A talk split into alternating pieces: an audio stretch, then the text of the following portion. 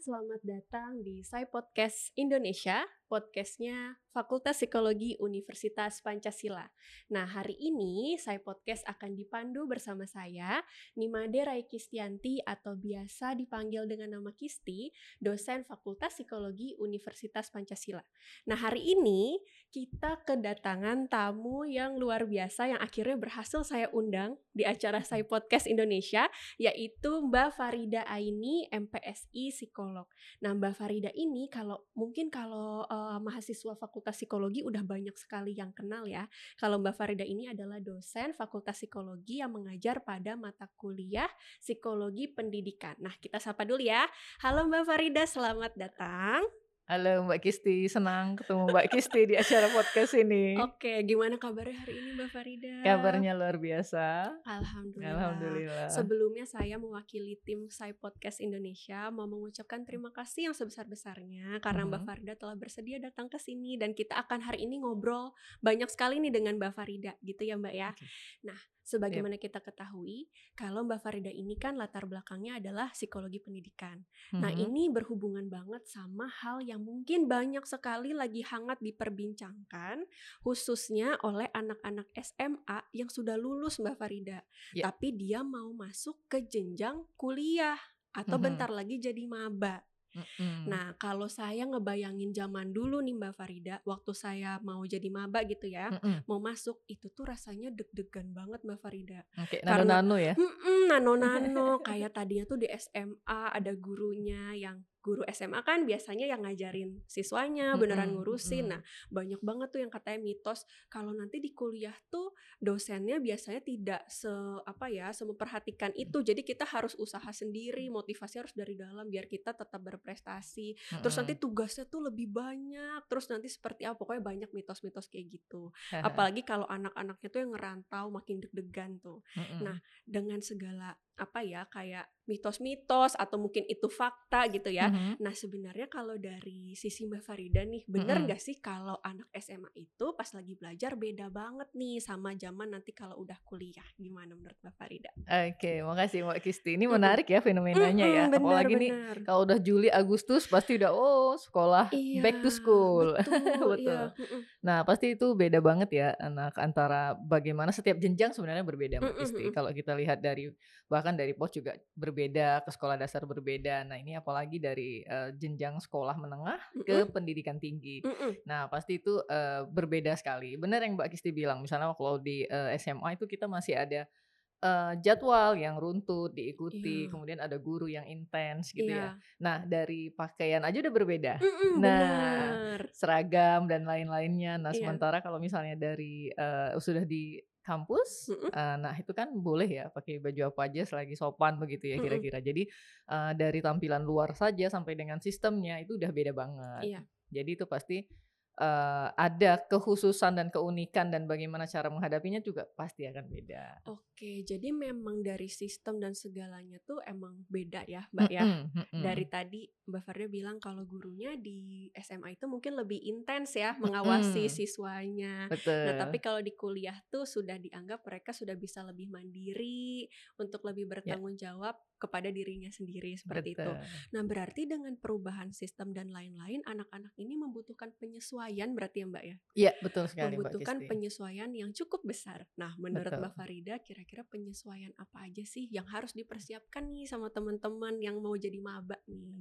Oke, nah nih buat teman-teman yang mau jadi maba ya, Mm, eh, penyesuaian itu ada, ba- ada banyak Mbak. mm-mm. Eh, pertama aja dari sisi eh, tugas perkembangan itu kan udah usianya itu kan berbeda ya. Iya, Nah, kalau misalnya masuk masa eh, perkuliahan itu udah di usia 18 ya, udah iya, mulai dewasa awal tuh. iya. Nah, teori apa pun confirm nih kalau udah di usia rentang segitu tuh udah termasuk dewasa awal. Jadi sehingga Oke. eh, secara psikologis eh, eh, itu sudah juga penyesuaiannya tuh harus udah mengikuti tahapan pada usia dewasa awal. Mm-mm.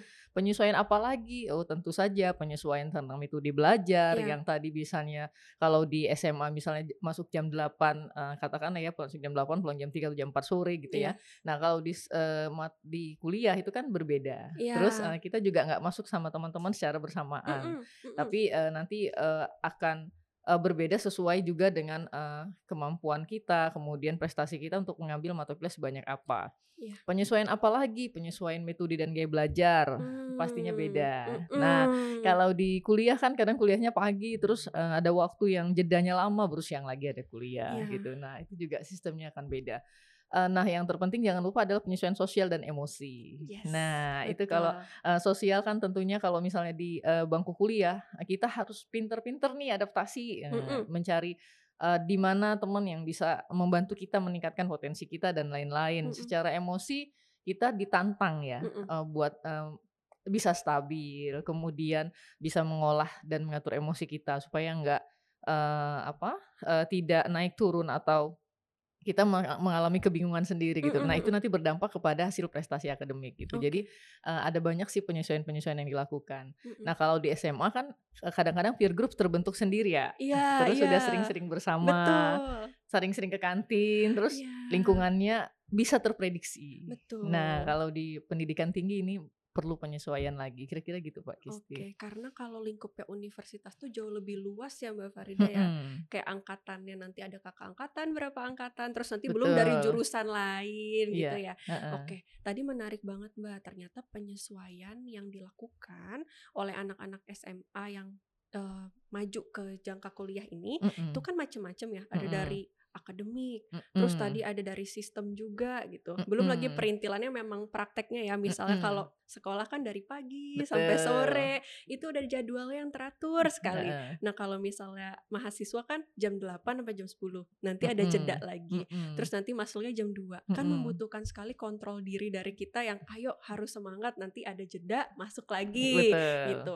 Nah, berarti di sana memang kita tahu kalau adaptasinya itu cukup besar ya, Mbak ya. Iya, betul dari Kisti. Sosial, dari Mm-mm. sistem dan akademik. Nah, menurut Mbak Farida ada nggak sih tips nih untuk mahasiswa yang baru Mm-mm. masuk nih untuk bisa beradaptasi dengan lebih mudah di dunia perkuliahan tuh harus kayak gimana sih? Oke, oke Mbak Kisti ini pertanyaan menarik. Tapi kalau boleh mundur sedikit ya. Eh, teman-teman maba yang hari ini sudah memilih jurusan nih, pastikan bahwa itu udah confirm dengan dirimu. Ya, Nah, itu Ya, kata kuncinya juga betul. ya. Karena eh, karena eh, penyesuaian eh, banyak aspek berikutnya adalah terkait sama bahwa kita itu firm gitu ya Mm-mm. dengan jurusan ini emang ini jurusan yang kita mau karena apa Mbak Kisti? Karena berkaitan sama nanti jenjang karir nah, di masa depan gitu. Jadi mm-mm. kalau kita sudah memilih jurusan ini pastikan eh, itu sudah sesuai dan itu kita minati gitu bukan karena misalnya menuruti karena mungkin teman dekat saya masuk di situ Hmm, iya. atau tunangan saya masuk di jurusan Hmm, itu iya.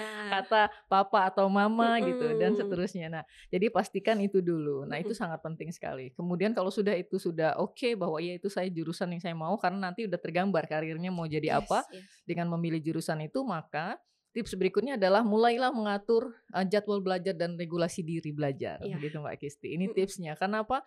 Uh, sangat dituntut untuk bisa mandiri ya, Iya. menentukan jadwal sendiri. Misalnya tadi Mbak Kisti contohin kalau ada kuliah dari jam 8 ke jam 10, masuk lagi jam 2 siang. Nah, dari jam Iya. 10 ke jam 2 itu ngapain aja tuh? Iya. Nah, pasti uh, itu butuh sebuah uh, regulasi diri untuk belajar untuk melihat oh iya jadwalnya kalau begini akan saya manfaatkan buat tugas kah, diskusi kah atau saya mau melakukan apa gitu. Mm-mm. Jadi uh, itu yang paling uh, penting kedua menurut saya setelah pemilihan jurusan adalah bagaimana regulasi diri mengatur jadwal. Nah, yang ketiga eh, kita harus punya konsistensi untuk jalaninnya. Iya. Itu jauh lebih penting juga ya karena tadi Mm-mm-mm. pengelolaannya terkait sama bagaimana kita bisa mengontrol diri kita, eh, emosi kita, pikiran kita dan lain-lain sehingga eh, pada saat eh, diajak misalnya yuk nonton yuk gitu. Nah, sementara pilihannya Nah, ada tugas yang deadline-nya besok mm, misalnya, iya. maka, eh, gitu ya, Mbak. Iya, godaan itu.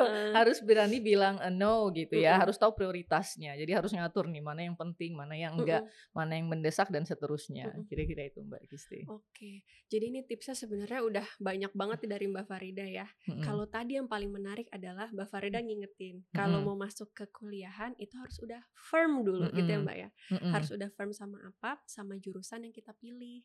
Karena nantinya itu akan sangat berhubungan dengan keinginan kita nanti pas lagi kuliah itu yang dikejarnya jadi jelas gitu ya Mbak ya. Betul. Apa yang mau dipelajari dan lain-lain. Dan Mm-mm. mungkin di samping itu adalah karena kita tidak bisa memungkiri kalau lagi kuliah atau apa pun kegiatan ada Mm. aja turun naiknya ya Mbak ya. Ya, betul. Ada aja turun naiknya ngerasa kok motivasinya lagi turun sih atau kadang-kadang aduh kok lagi semangat banget nih, enak banget nih ngerjain Iya. tugas. Nah, pada saat kita lagi kurang semangat kalau udah firm banget sama apa yang kita pingin Mm-mm. untuk naiknya lagi semangat lagi itu lebih mudah gitu ya Mbak ya. Iya, betul. Karena kita tahu memang ini tuh keinginan kita, bukan karena dipaksa oleh orang lain Iya, dan lain-lain. Betul Tadi sekali. eh, menarik banget Mbak Farida bilang jangan karena ikutan teman dekat, jangan karena dipaksa orang tua dan lain-lain. Mm-mm. Mungkin banyak juga berarti yang seperti itu ya Mbak ya. Iya, banyak sekali, Mbak. Saya menemui di lapangan kasus-kasus yang bagaimana eh, salah jurusan ya. Mm-mm, Jadi eh, sayang sekali misalnya bahkan saya menemui yang sudah sampai semester 5. Oh. Semester 5 konseling kemudian saya nggak tahu mau jadi apa gitu. Mm-mm. Ini se- studi kasus aja ya, Mbak. Uh-uh, Jadi pembelajaran, oke. lesson learn. Mm-mm. Eh, eh, itu ditemui gitu. Itu Mm-mm. ada. Mm-mm. Eh, ya berarti itu memang sebuah fenomena yang ada terjadi. Jadi bagaimana oh sudah semester 5. Saya nggak tahu mau jadi mau apa. Udah semester 5 loh gitu. Oke. Dengan jurusan ini saya mau ke mana? Nah itu kan sayang sekali. Sudah Iya. dua setengah tahun menghabiskan waktu di pendidikan tinggi tapi nggak tahu goal settingnya itu mau jadi apa atau Mm-mm. pilihan karirnya. Mm-mm. Nah eh, itu sih yang perlu nih. Itu penting banget. Oke, berarti memang banyak sekali ditemui di lapangan ternyata Mbak ya, Mm-mm. di mana mereka masuk aja ke suatu jurusan, tapi Mm-mm. dijalanin aja, padahal mereka belum tahu ini beneran pingin jurusan ini atau kenapa Betul. sih yang penting masuk aja deh dulu. Mungkin latar belakangnya beda-beda ya. Ada yang Mm-mm. karena keterimanya di situ ya udah masuknya di situ aja. ya. Mungkin ada juga yang dipaksa orang tua, ada juga yang tadi kata Mbak Farida tunangannya di situ, ah ikutan ah gitu. Ikutan, iya. Atau geng aku masuk sana semua, ah ikutan ah gitu. betul. Nah, tapi ternyata kan setelah eh, Mbak Farida lihat di lapangan, Mm-mm. itu banyak yang mengalami kasus seperti itu dan nantinya pas menjalani jadinya berat karena nggak tahu habis kuliah mau ngapain sih. Nah, Mm-mm. mungkin ini jadinya bisa diberikan tips juga Mbak Farida gimana Ya. sih untuk anak-anak sekarang Mm-mm. yang calon maba nih Mm-mm. untuk ngerasa firm dulu dengan jurusan yang kita pingin tuju atau Mm-mm. dengan goal setting kita itu ada tips apa aja dari Mbak Farida biar mereka nggak salah pilih. Oke, nah bener Mbak, nggak enak ya salah pilih ya. Ya nggak enak banget. Nggak enak banget. Mm-mm. Kalau ibarat kita naik kendaraan terus salah jurusan gitu. yes, yes. Misalnya kita mau ke tujuan mana, eh nyampe nya di mana gitu ya. Nah itu pasti nggak enak banget. Nah jadi untuk itu eh, tipsnya adalah pertama eksplorasi. Eksplorasi apa? Eksplorasi pengetahuan nih tentang jurusan ini. Oh saya mau masuk jurusan A. Ini jurusan ini apa saja yang dipelajari. Nah teman-teman maba harus mengeksplorasi. Pertama jurusannya, pelajarannya apa aja. Bila perlu cari pengajarnya siapa di universitas yang tertentu Oke. yang sudah masuk. Kemudian eh, eksplorasi lagi. Oke, nanti kalau di situ eh, nanti setelah itu karirnya seperti apa gitu. Cari siapa sosok eh, yang sudah pelaku karir yang sudah sukses di bidang itu gitu. Nah, Mm-mm. itu harus dicari tahu profilnya. Kita cari tahu, ah, terus kita melakukan bahasanya itu apa ya, refleksi atau kontemplasi diri. Oke, saya mau jadi sosoknya seperti itu enggak? Saya akan mau mengerjakan itu tidak gitu. Jadi itu penting sekali selain mencari pelajaran apa yang akan kita tempuh selama lebih kurang 4 tahun, 8 semester, plus eh, kita cari setelah itu kita mau masuk apa, kerjanya di mana. Bila perlu nih ya Mbak Kisti, kita cari tahu prospek kerjanya, gajinya berapa gitu. Nah, Kalau iya. mau masuk jurusan itu menjadi profil seperti apa gitu. Nah, itu sangat penting. Tipsnya itu. Nah, yang kedua, setelah teman-teman melakukan eksplorasi itu, mungkin sekarang udah pilih nih jurusan ya, Iya. sudah daftar. Eh, itu dilakukan. Yang kedua, tetapkan goal setting, tujuannya. Oke, mau lulus kapan nih kira-kira gitu. Nah. Mau lulus tiga tahun setengah kah atau mau lulus eh, lebih sesuai jadwal atau lebih dari itu gitu. Nah, itu harus ditetapin. Nah, kadang-kadang mahasiswa itu sering kali terkendala fenomenanya pada tugas akhir atau skripsi. Oke, betul Nah, sekali. Ya. Tipsnya adalah bagaimana mulai dari eh, begitu sudah tahu eksplorasi diri, sudah tahu jenjang karirnya, nanti dimulai semester 3, semester 4 sudah mulai berpikir tuh Mbak Kisti. Mm-mm. Sehingga di akhir nanti kita sudah mulai menjurus gitu. Tidak pada saat tugas akhir itu di timingnya di tugas akhir semester 6 atau 7, 8 itu baru dimulai gitu. Nah, karena yang itu kadang-kadang membuat kendala ya. yes, Nah, betul. kuliah sudah selesai semua, tapi Mm-mm. tugas akhirnya terkendala. Nah, ini yang menjadi eh, wawasan bersama mulai melalui podcast ini mungkin bisa jadi ini ya. Yes. Jadi eh, pencerahan. Oh, ternyata itu perlu ya dicari eh, sejak eh, awal. Iya, perlu sekali sehingga nanti eh, itu tinggal enak gitu ya jalaninya dan pastikan itu topik yang kita senangi gitu. Mm-mm. Jadi Uh, begitu lebih kurang tipsnya Mbak Kisti. Oke, itu luar mm -mm. biasa banget Mbak Farida dan menurut saya adalah mm -mm. highlight yang harus juga kita apa ya benar-benar pahami dari pembicaraan ini mm -mm. karena banyak yang salah kaprahnya adalah ketika kita mempersiapkan karir mm -mm. itu nanti aja mulainya pas semester-semester akhir gitu. Nanti mm -mm. aja lah mikirnya yang penting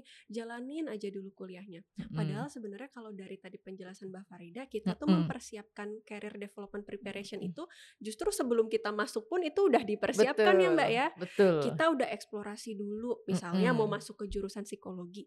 Kalau masuk psikologi itu nanti belajar apa aja gitu. Iya. Terus betul. nanti emangnya kalau masuk psikologi lulus dari sarjana bisa jadi apa aja ya. Mm -hmm. Terus nanti kalau mau jadi psikolog harus lanjut kuliah atau bisa langsung itu kan harus kita pahami dulu ya Mbak yeah, ya. Betul. Gitu sedikit demi sedikit. Nah malah tadi kata Mbak Farida kita bisa cari tahu juga gajinya nanti kira-kira berapa dengan iya. profesi-profesi yang kita yeah. pingin itu gitu supaya Betul. apa supaya nggak kaget nggak masuk tiba-tiba masuk pas udah masuk loh kok kayak gini ya? Nggak sesuai ekspektasi biar gak ya, kayak gitu ya. betul betul oke okay, jadi biar kita teguh dulu sama apa yang hmm. kita pingin capai kita baru masuk. Jadi nanti di sana belajarnya semangat ya mbak ya, ya karena udah tahu oh nanti saya bisa belajar tentang perilaku saya bisa belajar tentang menangani orang-orang yang misalnya lagi mengalami kesedihan mm -hmm. mendalam saya tahu mm -hmm. caranya kalau udah ada motivasinya kan lebih enak gitu ya mbak ya iya betul sekali Oke, mbak seperti itu itu tips yang sangat luar biasa mbak Farida mm -hmm. nah mungkin uh, tadi kan udah, udah ada tips nih so, gimana mm -hmm. caranya kita mempersiapkan uh, masuk kuliah dengan baik terus gimana cara kita biar nggak nyesel dan lain-lain mm -hmm. nah mungkin kita sekarang bisa berangkat nah kalau udah masuk ke perkuliahan nih Mbak Farida. Mm -mm. Gimana caranya kita bisa memaksimalkan waktu kita di perkuliahan?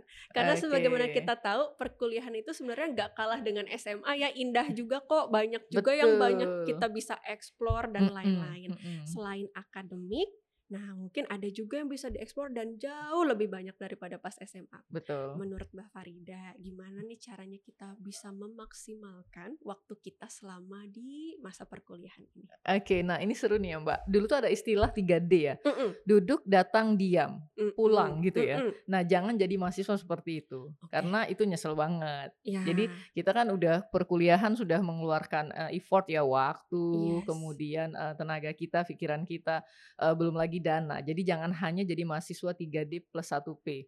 Duduk datang, uh-uh. eh duduk diam, eh sorry ya, datang duduk diam uh-uh. pulang. Ah, Oke. Okay. nah itu itu uh, rugi banget. Uh-uh. Jadi di uh, di uh, di pendidikan tinggi tentunya itu banyak sekali kan kegiatan ekstrakurikuler. Yes. Jadi kalau bisa nih uh, teman-teman maba maksimalkan, jangan hanya mengembangkan aspek kognitif. Ingat ya, kalau hmm. akademik itu hanya satu aspek Nah, Nah, kita harus kembangin tuh aspek sosial kita, kemandirian kita, aspek uh, yang lain-lain gitu ya. Karena apa itu penting sekali. Uh, manfaatkan semua ekskul yang mungkin bisa diikuti sesuai minat kita diikuti gitu. Hmm. Kalau bisa kita juga berprestasi di situ. Hmm. Nah, karena apa begitu uh, kita keluar dari bangku kuliah, teman kita jadi banyak. Betul. network kita jadi bertambah yeah, gitu. Nah, yeah. Iya. banyak orang yang kemudian mendapatkan uh, pekerjaan atau uh, karir di masa depannya itu adalah karena efek dari bagaimana aktif di organisasi. Nah, betul banget. Nah, itu tadi saya saya lihat ya di website ada beasiswa buat uh, ketua organisasi ya, Mbak. Betul. di Universitas Pancasila. Betul. Nah, mungkin nanti Mbak Kisti bisa jelasin lebih lanjut, tapi buat saya berpikir kenapa kemudian universitas memprioritaskan satu slot katakanlah seperti itu ya yeah. buat aktivis organisasi yang dia meluangkan waktu tapi dia juga mengembangkan uh, kemampuan yang lainnya soft skillnya diasah yeah. jadi uh, jangan mau hanya mendapatkan pelajaran saja tapi di luar dari itu explore lah gitu jadi yeah. ikuti banyak ekskul kemudian jaling networking karena itu nanti pasti efeknya ke jenjang karir mbak Kisti oh. jadi banyak orang yang kemudian mendapatkan uh, jalurnya uh, terhadap karir tertentu karena berkenalan karena punya track record. Oh, dulu ngurusin organisasinya bagus, berprestasi dan lain-lain gitu. Aduh itu setuju banget, Mbak. Dan ini sangat bermanfaat banget pasti buat anak-anak yang menonton podcast ini nantinya karena uh, tadi ada singkatan ya Mbak ya, uh, jangan jadi mahasiswa yang 3D plus P gitu yeah. ya. Datang, duduk, duduk diam, diam, pulang. Yeah. Kalau zaman saya istilahnya tuh kura eh bukan kura-kura kupu-kupu kuliah pulang kuliah pulang oh, okay. datang pulang datang pulang gitu ya okay. jadi bisa jadi kupu-kupu atau kura-kura kalau kura-kura mm. tuh kuliah rapat kuliah rapat nah, nah. itu yang aktif organisasi nah pokoknya okay. itu kan ya singkatan-singkatan aja uh -uh. tapi highlightnya adalah kita ini di perkuliahan tidak hanya pingin kayak aspek kognitif kita yang berkembang secara mm -hmm. keilmuan, mm -hmm. Tapi memang ternyata bukti pun menunjukkan bahwa ketika soft skill kita berkembang, Mhm. itulah yang akan bermanfaat sekali ketika masuk ke dunia pekerjaan gitu ya Iya, Mbak Farida ya. Betul. Betul Soft skill tuh Mbak apa aja sih? Banyak banget ya Mbak ya. Kayak misalnya Betul. komunikasi ya. Betul. Komunikasi, terus misalnya ada leadership, terus Manajemen waktu. manajemen waktu. Mhm. Dan itu memang bisa kita pelajari pas lagi kuliah dengan kerja kelompok dan lain-lain. Tapi sangat akan terasah banget kalau kita ikutan juga organisasi ya Mbak ya. Iya, betul. Berkomunikasi itu kan butuh skill juga ya Mbak ya. Iya, Berkomunikasi dengan teman-teman yang satu jurusan betul. Mhm. pasti beda dengan berkomunikasi dengan yang beda juris, jurusan gitu ya. Beda lagi berkomunikasi dengan dosen dan lain-lain. Nah, Iya. dengan kita ikutan organisasi, terus kenal dengan banyak orang, itu akan mengasah sekali kemampuan kita berkomunikasi dan soft skill yang lainnya gitu ya, Mbak ya. Iya betul. Ada Gitu. lagi Mbak satu Apa? lagi plusnya di- enaknya di mahasiswa ini Mbak, Apa? karena dia kan memasuki usia dewasa ya. Yes. Ya kali-kali ketemu jodoh. Nah, dengan Jadi- meningkatkan networking. Yes. Jadi Nah. biasanya tuh kayak ya biasanya tuh anak-anak eksak ya suka sama yang non-non eksak ya. Makanya harus super Hmm. eh, misalnya tuh ya eh, suaminya teknik, istrinya Mm-mm. psikologi. Nah, itu sering tuh Iya. begitu. Oh, itu itu sering ya, Mbak ya? Iya, pengalaman Oke. pribadi. Oke, nah ini pengalaman pribadi Mbak Farida. Nah Jadi- ini apa ya pesannya adalah perluaslah networking kita. Iya. Jangan-jangan jodoh kita masih ada di eh, apa ya lingkaran yang lain gitu Iya, ya Mbak. Farida ya. Nah makanya nanti bisa aktif juga tuh untuk berorganisasi. Selain tadi meningkatkan soft skill dan meningkatkan networking, tidak hanya untuk pekerjaan dan Mm-mm. karir ke depan bisa Mm-mm. saja membuka peluang bertemu dengan pasangan misalnya Iya, kayak gitu ya. iya, Kalau di kasus Mbak Farida seperti itu gitu. Oke. Nah tadi menarik juga ya masalah networking tuh tadi Mbak Farida bilang bisa aja nanti pas bekerja itu nanti lewat apa sih referral ya biasa Iya, kita ya. mm-mm. Nah itulah memang pentingnya networking ya Mbak ya. Iya, Kita rekomendasi kalau, ya. Rekomendasi. Mm-mm. Karena kalau kita masuk ke dunia pekerjaan ternyata rekomendasi itu sangat Mm-mm. penting gitu ya. Mm-mm. Apabila kita punya track record yang baik, nanti Mm-mm. biasa ada referral number gitu ya Iya. nanti kita kasih referral number kalau kita dikatakan oh dia kerjanya bagus, Mm-mm, dia bisa mm-mm. memimpin dengan baik. Nah, itu bisa membantu kita ketika masuk ke suatu perusahaan gitu kali Iya. ya, Mbak ya. Betul. Oke, nah ini luar biasa sekali. Itu tips banget, Mbak. Karena banyak anak-anak kuliah yang masuk itu maba masih bingung. Ini kalau jadi maba, saya udah harus nyiapin apa aja ya. Tapi ternyata Mm-mm. tadi Mbak Farida bilang pokoknya dari seawal mungkin kita udah mempersiapkan apa sih yang mau kita kejar di sini. Malah tadi Iya. skripsi ya, Mbak ya. Mulai Iya, dari semester betul. berapa, Mbak? Semester 3. Oke. Oke. Ingat ya teman-teman, mulai dari semester 3 bisa mulai dibaca-baca lagi jurnalnya mau memperdalam Iya. ke arah mana gitu ya. Betul. Mm-mm. Banyak juga ternyata yang semester akhir masih bingung berarti Mbak Betul, ya? betul Mbak Kisti. Nah, itu banyak ditemui. Iya, eh, karena kan tadi ya dari awalnya mungkin eh, starting pointnya, Mm-mm. starting pointnya tadi itu jangan pernah berpikiran bahwa eh, jalani aja itu satu kata yang menurut eh, saya itu eh, agak beda ya. Maksudnya dalam konteks kita berkuliah itu nggak cukup dengan itu. Jadi agak eh, nanti takutnya khawatirnya keliru. Ya jalani ya udah dapat eh, dapat eh, nasakom nasib satu koma dijalani, dijalani. Ah, iya. Artinya itu kan berarti eh, punya mindset yang keliru ya. Nah, pada akhirnya ya wajar kalau misalnya di akhir juga masih kebingungan. Jadi sedini mungkin mumpung maba nih masih baru gitu ya, Mbak. Iya. Nah, itu dimanfaatkan tuh masa itu untuk supaya nanti eh, di akhir nggak kebingungan-kebingungan lagi. Mm-mm. Oke, jadi Hmm. jangan jalanin aja. Justru kita harus punya target yang jelas gitu Iya, ya. betul. Karena kalau nggak punya target, kita bingung juga apa yang mau dikejar berarti. Iya, betul. Oke, nah Mbak Betul, Mbak. Farida berarti udah sering banget ya menghadapi anak-anak yang mungkin mengalami nasib seperti itu. Makanya Iya. Betul. sekarang dipesankan berkali-kali jangan jalanin aja, jangan pasrah aja. Kita harus benar-benar tahu tujuan kita ke depannya tuh apa sih gitu. Iya, betul Nah, sekali, Mbak. Oke, nah buat Mbak Farida nih, tadi kan Mbak Farida juga memesankan Mm-mm. eh, kepada anak-anak yang maba jangan fokus ke akademik aja, harus aktif Mm-mm. juga nih. Mm-mm. Berarti dengan mereka itu fokus juga di yang non akademik kayak organisasi dan lain-lain, Mm-mm. mereka pasti harus punya manajemen waktu yang baik. Ya Iya, sih, Mbak? betul, betul Mbak Nah, Kisti. Bisa juga nih dipesenin ke maba-maba atau mahasiswa keseluruhan Mm-mm. apa sih tipsnya untuk bisa manage waktu yang baik karena dulu pengalaman juga saya waktu awal-awal tuh masuk kuliahan seneng banget mbak karena kegiatannya banyak banget kan di kampus Iya. pingin ikut aja nanti tiba-tiba oh ya sibuk banget nih untuk manage waktunya Oke. agak-agak challenging nah menurut Mm-mm. mbak Farida apa sih tips tambahan untuk mereka agar Mm-mm. manage waktunya itu bisa lebih baik Oke, nah kita bisa gunain ini ya Mbak, eh, kuadran uh,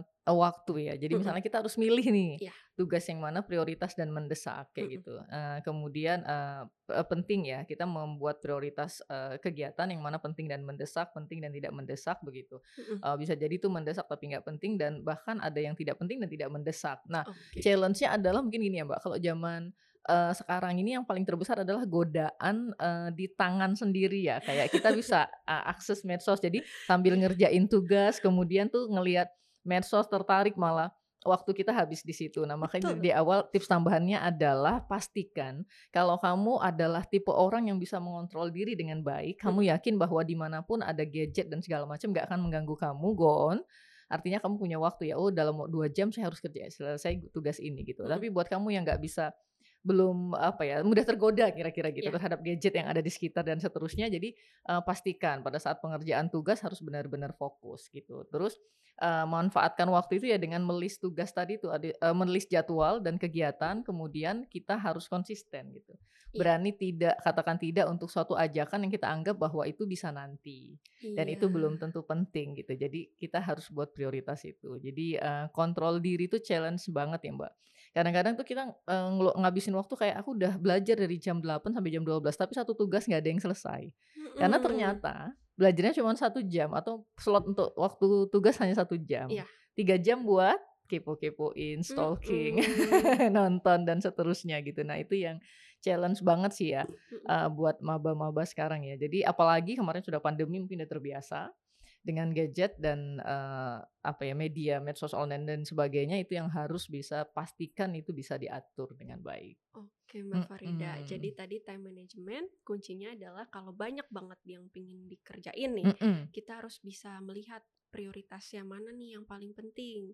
Adakah mungkin yang mendesak tapi sebenarnya gak penting? Ya. Nah, kalau ada bisa disisihkan dulu, diganti mm-mm, dengan yang mendesak dan penting. penting. Ya. Dan tadi bener ya Mbak ya, sekarang godaan itu sebenarnya ada di telapak tangan kita. Iya, betul. yaitu pada handphone kita yang isinya macam-macam. Jadi kadang lagi belajar tiba-tiba notif Instagram Iya. bunyi. Nah, terus nanti cuman pengen lihat notif, lanjut buka story ya nggak sih, Iya, Mbak? Iya Nah, betul. Jadi itu kita memang tadi pentingnya adalah untuk kontrol diri ya, Mbak ya. Mm-mm, mm-mm. Jadi untuk mengontrol ada sih keinginan itu, tapi kita harus tahu kita lagi ngapain sih. Iya. Berarti kita harus ngapain. Jadi kita harus rajin-rajin ini juga ya refleksi. Oke, kita ini pingin main HP. Tapi ini urgent nggak? Kalau nggak urgent ya ditaruh dulu gitu Iya, ya Mbak ya. Oke, nah itu memang PR untuk kita semua mungkin ya. Iya, karena betul. saya yakin banyak sekali yang memang eh, mengalami apa ya kita lagi belajar terus nanti terdistrak sama hal lain. Nah tadi pentingnya adalah untuk selalu kontrol diri kita dan kita harus fokus pada apa yang sedang kita ingin kerjakan pada saat itu gitu ya Mm-mm, Mbak ya. mm-mm. Oke Iya. Mbak, nah tadi kan Mbak Farda udah sharing banyak banget nih untuk maba-maba secara keseluruhan ya Mm-mm. gimana caranya bisa memasuki perkuliahan dengan baik dan menjalani perkuliahan agar mereka bisa cemerlang lah intinya sampai nanti lulus gitu ya. Ya.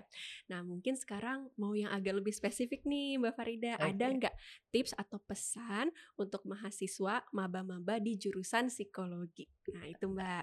Oke baik, ini menarik nih ya Mbak Kisti, khusus nih buat maba-maba yang eh, sudah memiliki tiket gitu Iya, ya iya. eh, untuk masuk eh, psikologi atau masih berkeinginan untuk Mm-mm. masuk psikologi, maka tipsnya adalah pastikan bahwa kamu adalah eh, orang yang senang eh, memiliki minat terhadap pelayanan sosial karena eh, untuk bisa menjadi menjalani eh, profesi sebagai psikolog atau menempuh pendidikan sebagai psikologi itu sangat berhubungan erat dengan aktivitas o- orang-orang gitu ya, eh, kemudian melayani kegiatan sosial gitu. Karena kan ada prinsipnya di mana psikologi eh, di mana ada manusia di situ psikologi berperan. Nah, artinya semua lini itu eh, yang ada hubungannya kaitannya dengan manusia itu harus disenangi. Nah, eh, kuliah di psikologi itu asik ya, Mbak. Kalau Hmm. aku lihat ya dulu apa serunya gitu. Serunya adalah kita tuh observasi Iya. Kemudian kita sering wawancara orang, ketemu dari berbagai level usia, kemudian eh, baca, nonton gitu ya. Dulu Iya, tugas-tugasnya seperti itu ya. Itu menarik sekali. Jadi eh, ya eh, pastikan itu itu penting sekali. Jadi buka diri, kemudian eh, mulailah untuk senang bagaimana eh, senang bergaul, kemudian senang untuk bisa eh, mendekati semua eh, lini usia, mulailah perluas pertemanan itu penting sekali. Jadi itu tips-tips suksesnya untuk mahasiswa psikologi karena eh, begitu kita uh, masuk ke psikologi pasti banyak topik-topik tentang kadang-kadang tentang diri kita sendiri. Betul. Jadi uh, jadi itu terus dimanfaatkan karena uh, begitu kita uh, be mencoba untuk berusaha dengan ilmu kita bermanfaat untuk orang lain, tapi sebelumnya nih kita harus tahu dulu oh ilmu ini bermanfaat dulu untuk kita. Jadi uh, selamat gitu ya kira-kira kalau saya bilang menempuh uh, pendidikannya di psikologi untuk lebih mengenal diri. Nah itu uh, seru sekali dari uh, perkuliahan menjadi mahasiswa psikologi.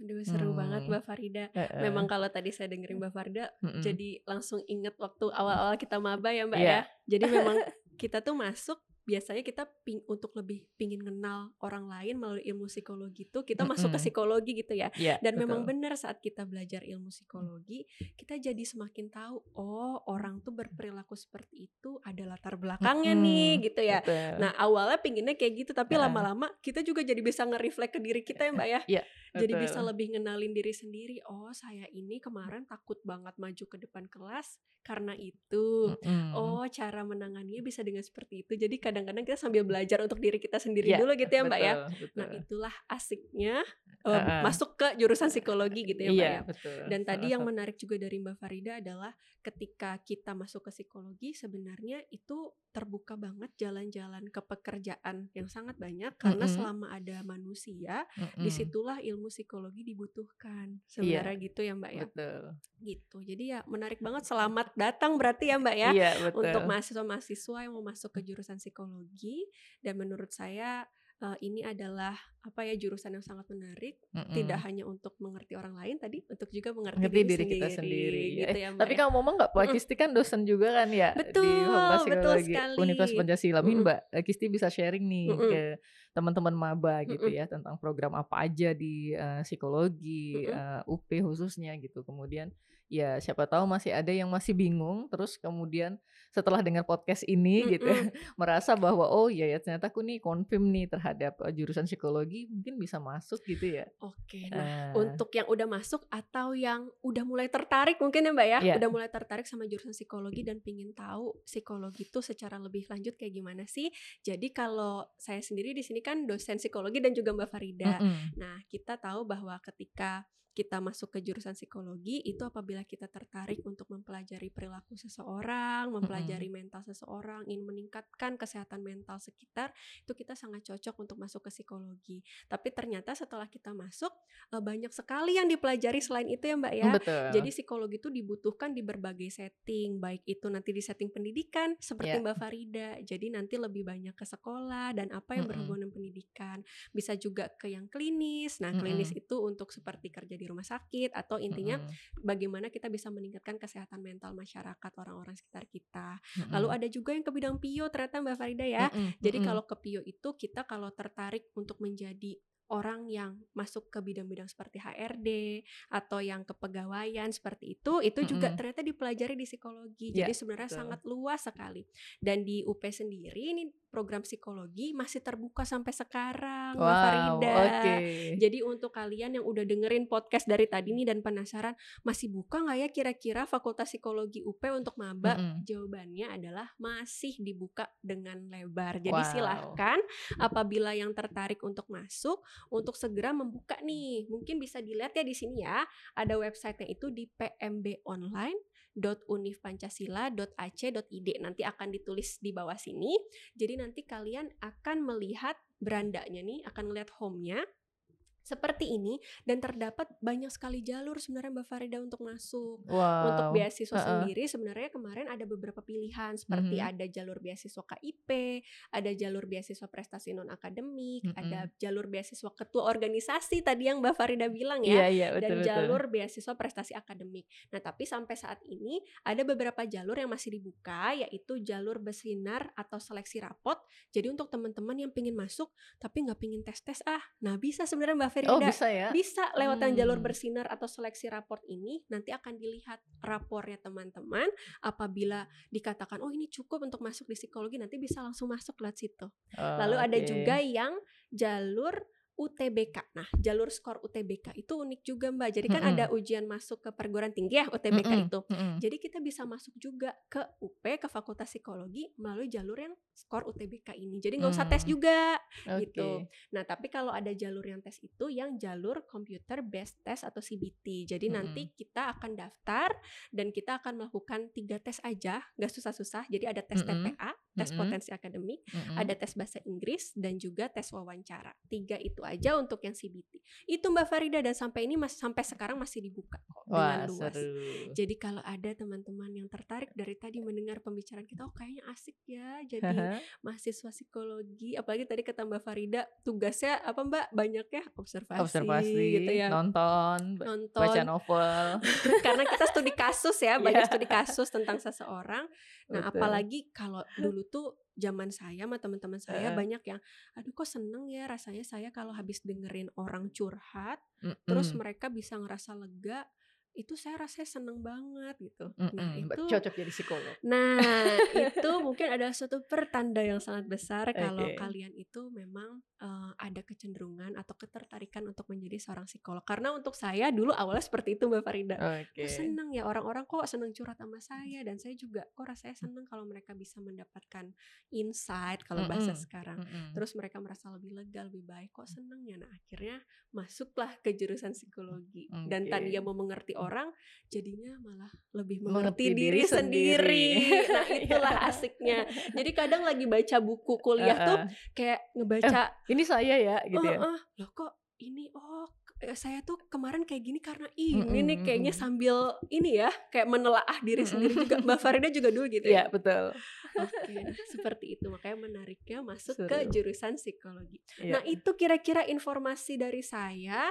Nah, ini pokoknya jalur-jalurnya masih dibuka sampai sekarang dan nanti rencananya kita juga akan ada kegiatan open house nih sebenarnya Mbak Farida. Wow, seru. Iya, Mm-mm. kegiatan open house untuk apa? Supaya nanti maba-maba atau anak siswa SMA yang tertarik ke jurusan psikologi bisa langsung main nih untuk melihat lingkungan di Fakultas Psikologi UP ya. itu seperti apa. Terus Mm-mm. nanti kita ada trial class juga.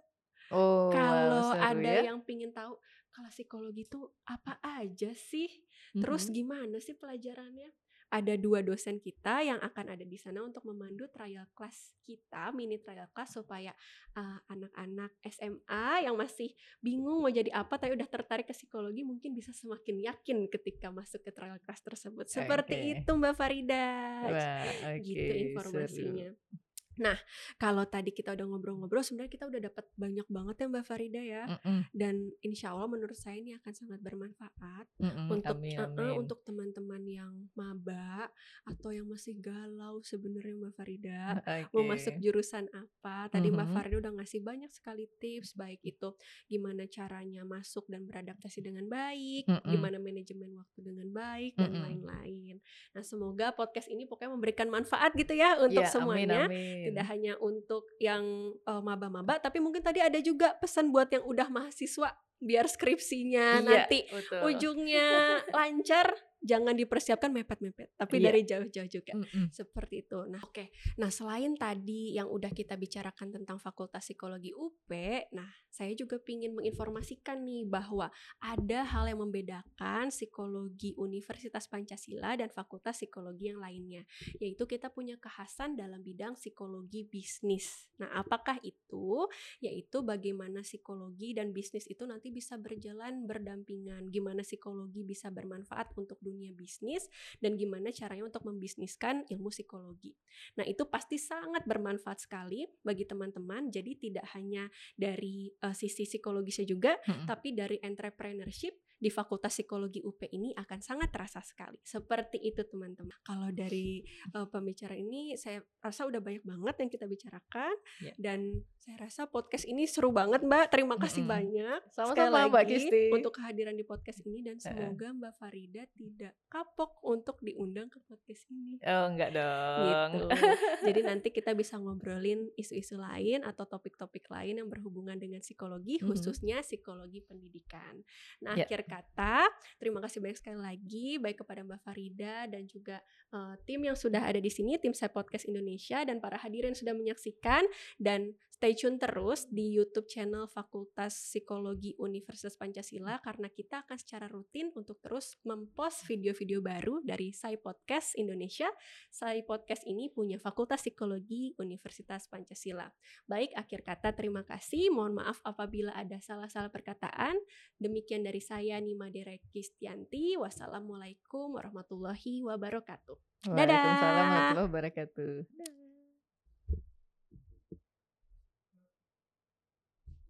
tahan untuk foto tangan satu satu bisa lihat tengah dulu bisa lihat